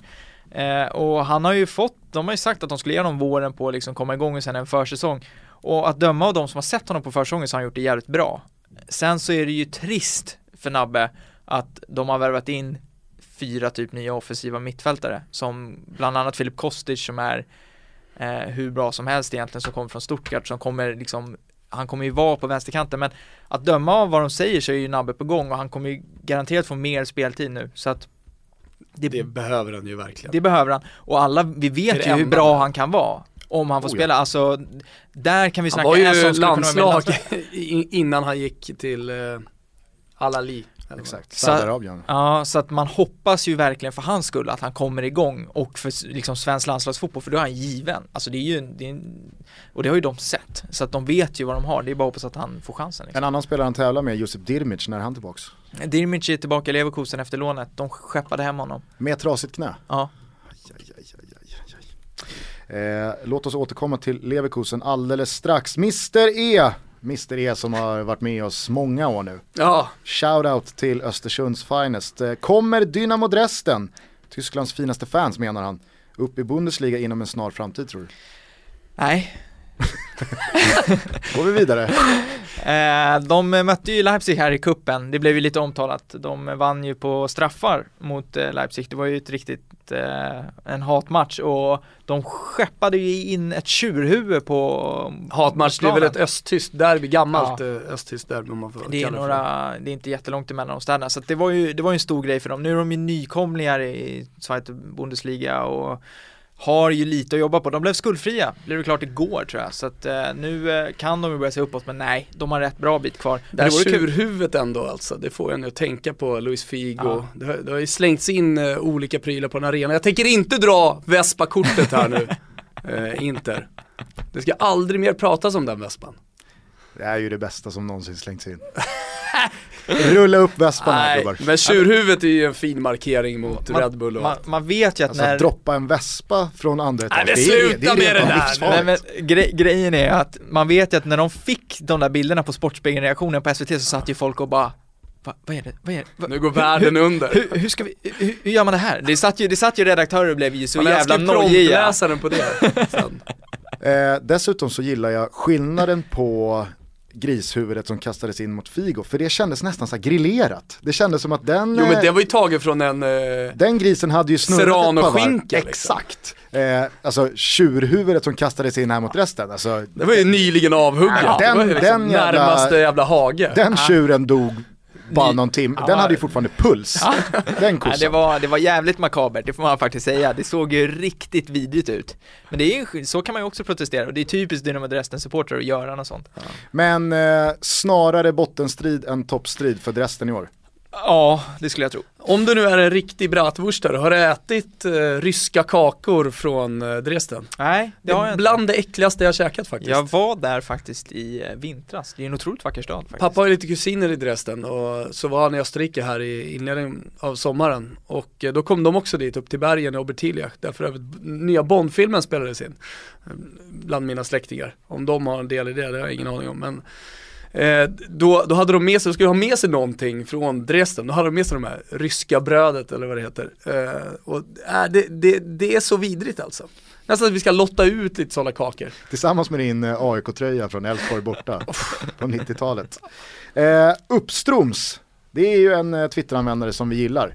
Alltid eh, vass, tydlig och rak i sin kritik. Men eh, också rättvis. Eh, han undrar eh, om just Leverkusen. Eh, Roger Schmidts lagbygge som har sett så oerhört spännande ut de senaste åren. Öst in mål framåt, eh, haft hur många fina eh, pjäser som helst att snurra på där framme. Eh, status på Bayer Leverkusen? Nej men det ser ju jättebra ut. Nu har de ju verkligen liksom, de har ju förstärkt sig rejält med Kevin Folland som kommer in från Hoffenheim som har varit med lite i landslaget, lite smått sådär. Mm, Jättespännande. Uppstroms undrar precis här om eh, Folland speciellt. Ja, nej men han kommer ju passa perfekt i det lagbygget. Det är ju liksom en Håller med. flexibel spelare, tekniskt skicklig, både liksom en känsla för att göra mål och spela fram. Väldigt tysk. Väldigt tysk, arbetar stenhårt och i det laget så ska du ju spela, liksom, de spelar med hög press, han kommer ju passa in perfekt där.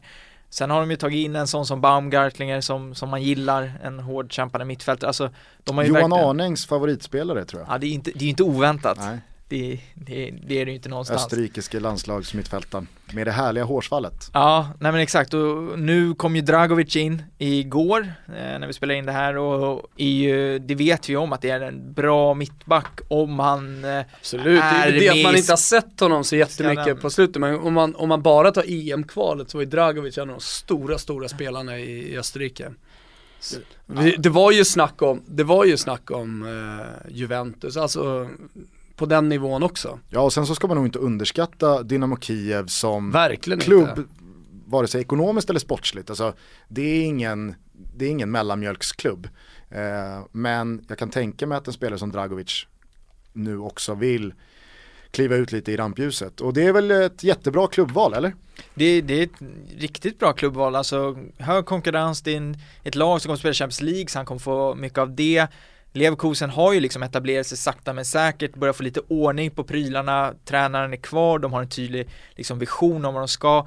Jag har ju sagt eh, nu att det finns ju, jag kan inte se att liksom de egentligen ska tappa utan de borde kunna utmana Bayern München nu eh, om något lag nu kan utmana Bayern München så är det Leverkusen sett till liksom erfarenheten och, och allt. Vart lämnar Dragovic intåg eh, min och Thomas gubbe Ömer Toprak?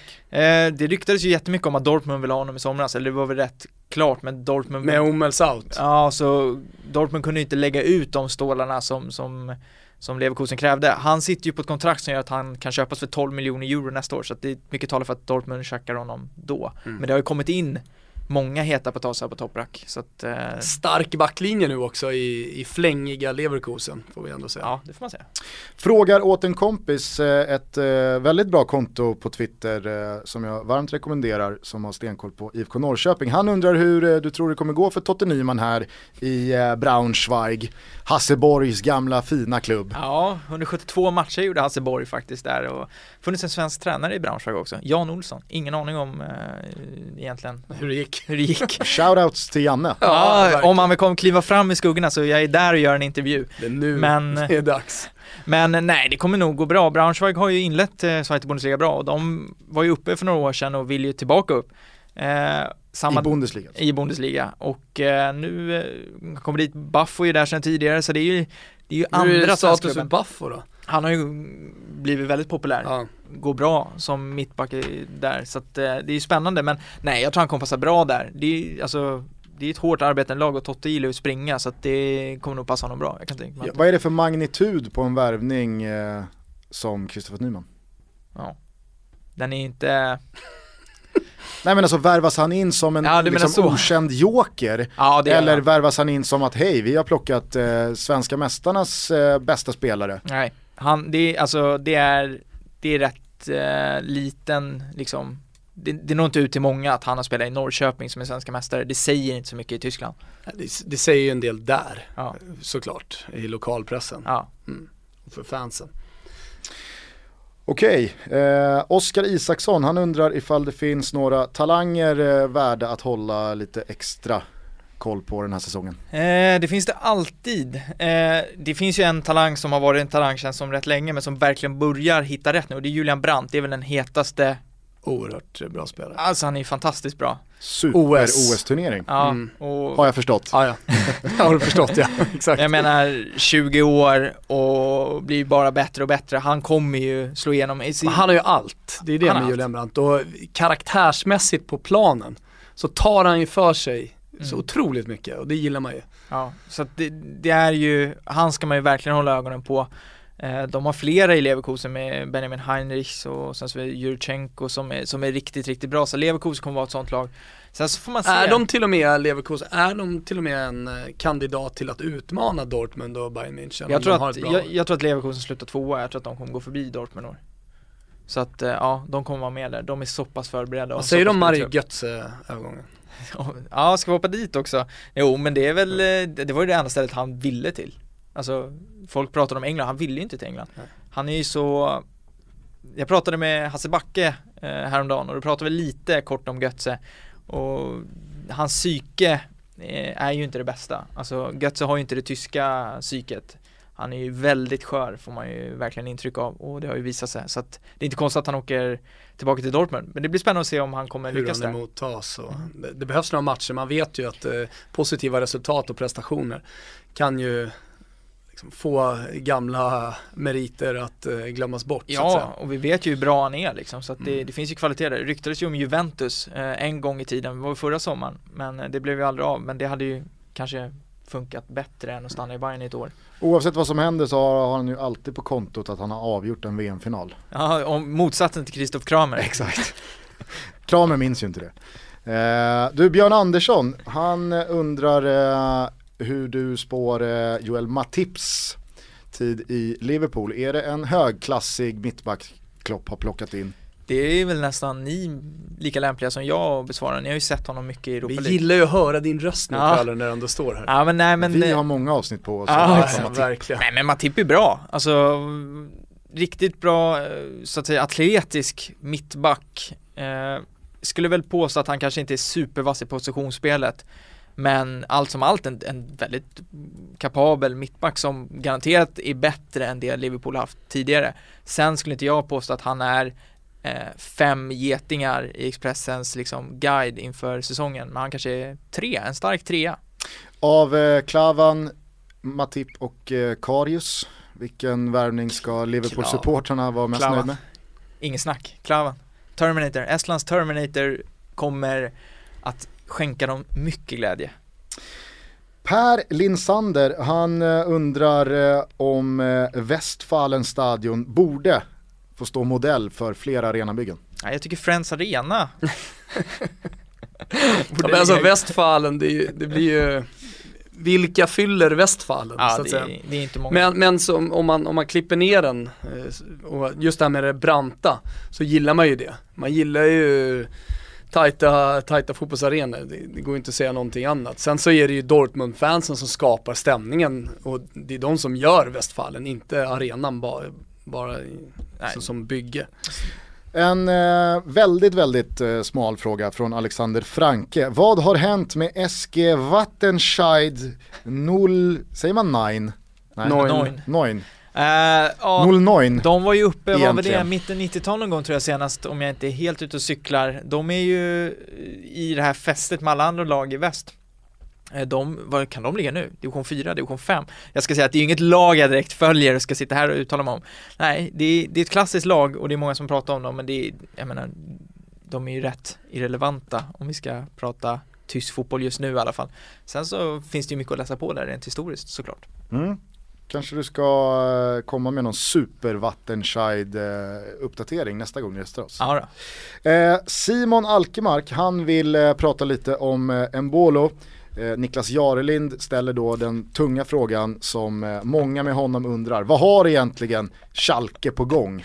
Är det många som är medvetna om det som lyssnar på det här, vad hela den här grejen är med vad Schalke har på gång? Ja, men du skriver ju mycket på Fotbollskanalen om tysk fotboll. Och jag vet inte, säkert 20 gånger de senaste två åren så har jag ju sett dig puffa ut min text på Fotbollskanalen om vad fan Schalke har på gång. Ja, men Sch- Schalke har Det ju börjar bli riktigt ledsamt. Så i somras så började jag dra igång drevet här på Twitter Och det- mot dig att vad fan har Schalke på och, gång och när nu? man såg bland de här frågorna så var det ju många som hade hakat på. Jarlind har ju verkligen hakat på det, han tycker det är så kul så att han kan knappt kolla på mig när vi träffas längre för att han börjar skratta åt det. Men eh, Schalke har ju något på gång eh, den här säsongen. Ny sportchef, det, vore, det är trist för mitt, för min, mitt rykte om det inte skulle vara så. Eh, nej men ny sportchef, ny tränare, jättebra. Eh, spännande spelare, en bål vet jag inte. Han, han ska ju fortfarande bevisa sig på en stor scen, en boll och vi har sett honom mycket i Europa League men, men det, det, där, det är en jättetalang, det finns stor potential, men har han det? Ja, det är, och det är det som är Det finns frågan. många Schalke-spelare som har visat att de inte pallar pressen Exakt, tidigare. exakt. Schalke är en sån klubb talanger. där folk kommer till och sen så försvinner de bara. Så att de, Eller det- kommer upp eh, ja. till A-laget och inte riktigt lyckas. Nej exakt och sen ska man ju tänka så här, men Sané försvinner, vad betyder det? Ja men det betyder inte så mycket. De, de har gjort det bra och det blir jättespännande att se. Eh, jag vet inte om de är redo för Champions League men de kommer vara där med Europa League och på sikt bli riktigt bra. Schalke har ju alla förutsättningar för att de ska kunna bli en stor kraft i Tyskland liksom. Klaas-Jan Huntelaar, fortsatt given. Han är väl någonstans lite det för att han är en målskytt. Franco Di och det finns inte så många av den typen, alltså vi har pratat om, lite, om det här lite i, i Toto Balotto under de här första avsnitten med att Iguain kostar 90 miljoner euro. Det finns inte så många nummer nio. Kolla vad Barcelona var ute efter. Mario Gomez, eh, på tal om tysk fotboll och sen Paco Alcacer som är en jätteintressant spelare. Men, men, men det finns inte så många bombers där ute. Som jag kan tycka att det fanns till exempel på 90-talet. Alltså utpräglade målskyttar. Toto Balutto, den aktuella podden. 90-talsutbudet av Ja Bobbers. men Nej, eh, jag det förstår skulle vara intressant att göra en lista då på, på de, de bästa om vi verkligen också tar eh, den typen av rollspelare. Mm.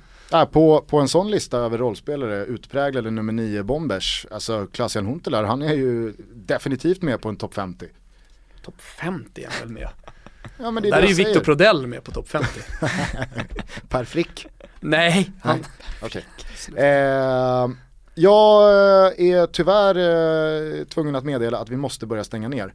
Eh, vi ska krama och tacka Andys Frukt.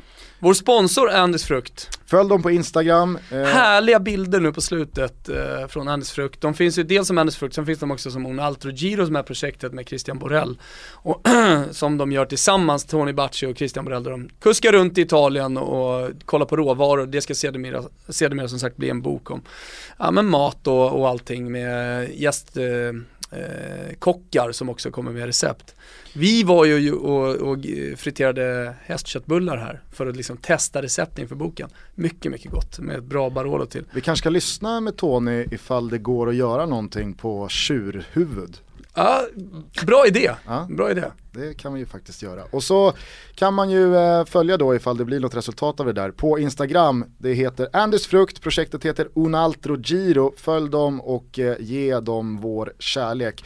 Stort tack också till Expressen, pussar och kramar för att vi får låna deras studio har eh, så fått göra de inledande avsnitten. Kärlek till våran superproducent Kim Wirsén och dessutom jättemycket blommor och eh, pussar och kramar till Emil Holmgren som eh, gör alla våra fantastiska puffbilder Mm. sedan första avsnittet. Eh, Strålande jobb. Och till alla som har lyssnat också. Ja men såklart, det var där jag skulle avsluta. Eh, det är så mycket kärlek som ska skeppas ut från den här poddstudion. Vi är tillbaka att, eh, snart, vi ska ju summera en helg, Bundesliga-säsongen och så. Men, men eh, innan vi summerar, Adam, var följer man dig nu?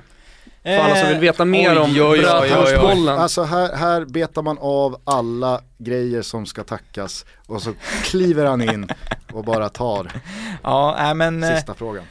Twitter så kan man följa mig på AT Nilsson, Vad står T för? eh, Tony Jajebuck. och eh, sen så är det ju eh, Kumla-Tony. Kumla-Tony, Tysklandsbloggen på Fotbollskanalen, Bundesligabloggen.se numera också, där jag startat lite, det har väl, det, kom, det kommer att komma igång. Eh, och eh, Scrollar man ner på bundesligabloggen.se så finns det ju en videopuff som fan i mig osar knull alltså. Det ska du ha. alltid Jag något. tycker alla ska Alltid se. något. Och eh, sen så är det Bundesliga-podden får man gärna lyssna på också. Ja, Bundesliga-podden eh, lyssnar jag på. Den är ju eh, jävligt bra och matig och framförallt eh, liksom infallsrik från olika vinklar i och med att ni har eh, så många i uppställningen från olika håll. Ja, nej och det har ju varit vår fördel. Sen så är det ju, till skillnad från det här så är vi inte i samma rum så det blir kanske inte samma dynamik när vi pratar. Men nej, det är ett kul projekt och det är, jag menar det är, det är bara att gå in och lägga till den i podcaster och lyssna och ge det ett försök i alla fall.